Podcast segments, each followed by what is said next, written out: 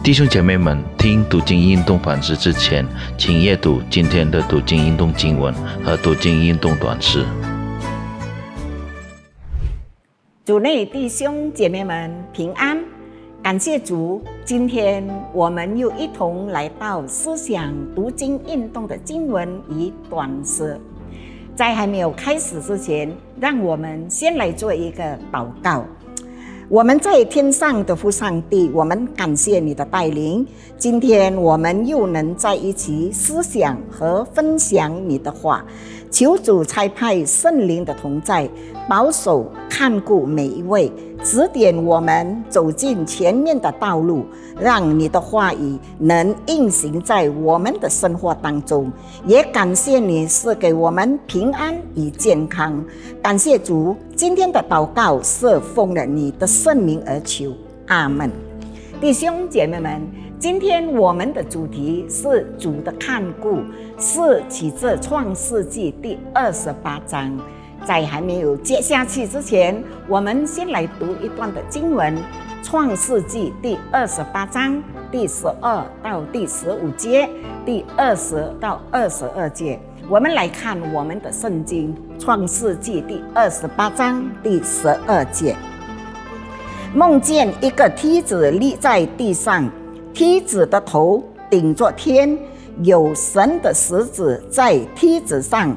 上去下来，耶和华站在梯子以上说：“我是耶和华你的主亚伯拉罕的神，也是以撒的神。我要将你现在所躺卧之地赐给你和你的后裔，你的后裔必像地上的尘沙那样多，必向东南西北开展，地上万族。”必因你和你的后裔得福，我也与你同在。你无论往哪里去，我必保佑你。愿你归回自地，总不离弃你。知道我成全了向你所应许的。第二十节，雅各许愿说：“神若与我同在，我所行的路上保佑我，又给我食物吃。”衣服穿，使我平平安安的回到我父亲的家，我就必以耶和华为我们的神。我所立为柱子的石头，也必做神的殿。还你所赐给我的，我必将十分之一献给你。弟兄姐妹们，雅各前往巴丹亚兰去，不是要旅游或者休闲。享乐，而是为了逃避以扫，因为以扫已计划要杀死他。去之前，以扫祝福雅各不要娶迦南女子为妻，而是要娶利百家兄弟拉班的女儿为妻。由此可见，雅各在迫于压力和而逃走的日落之后，疲惫不堪的雅各。停在某个地方休息一下，躺卧睡了。睡觉中，雅各梦见一下一个头顶着天的梯子，上帝的天使在梯子上下去下来。在梦中，耶和华重复了他先前给亚伯拉罕的应许，就是将迦南地赐给亚伯拉罕后裔的应许。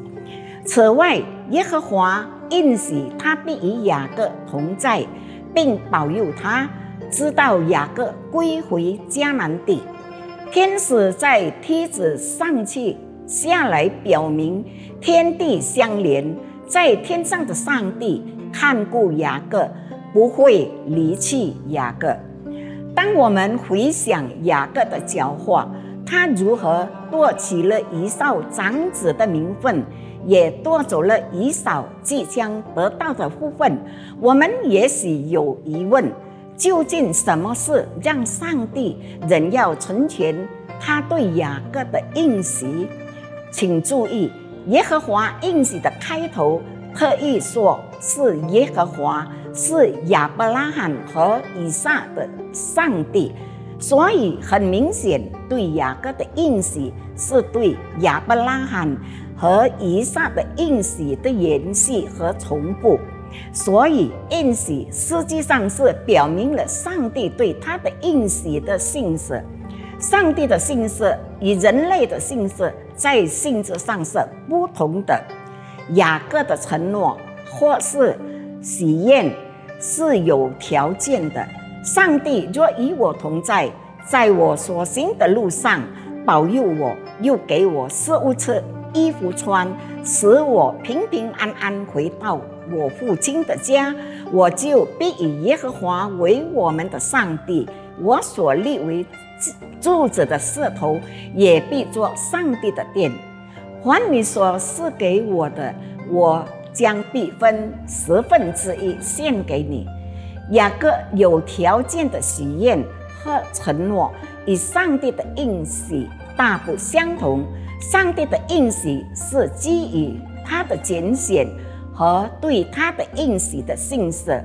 雅各许愿将十分之一献给上帝，但那是如果上帝事先给他了，而上帝他仍然赐福，即使雅各是个骗子。因为上帝的福分永远是上帝的恩典。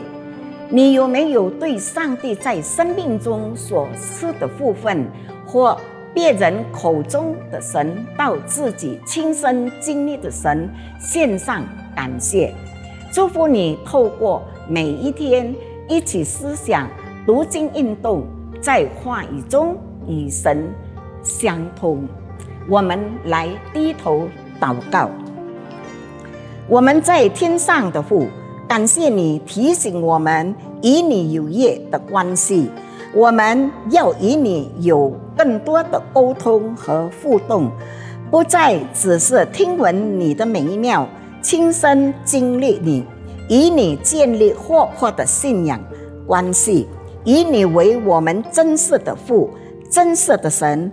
我们要的不是祝福，却是赐福的主。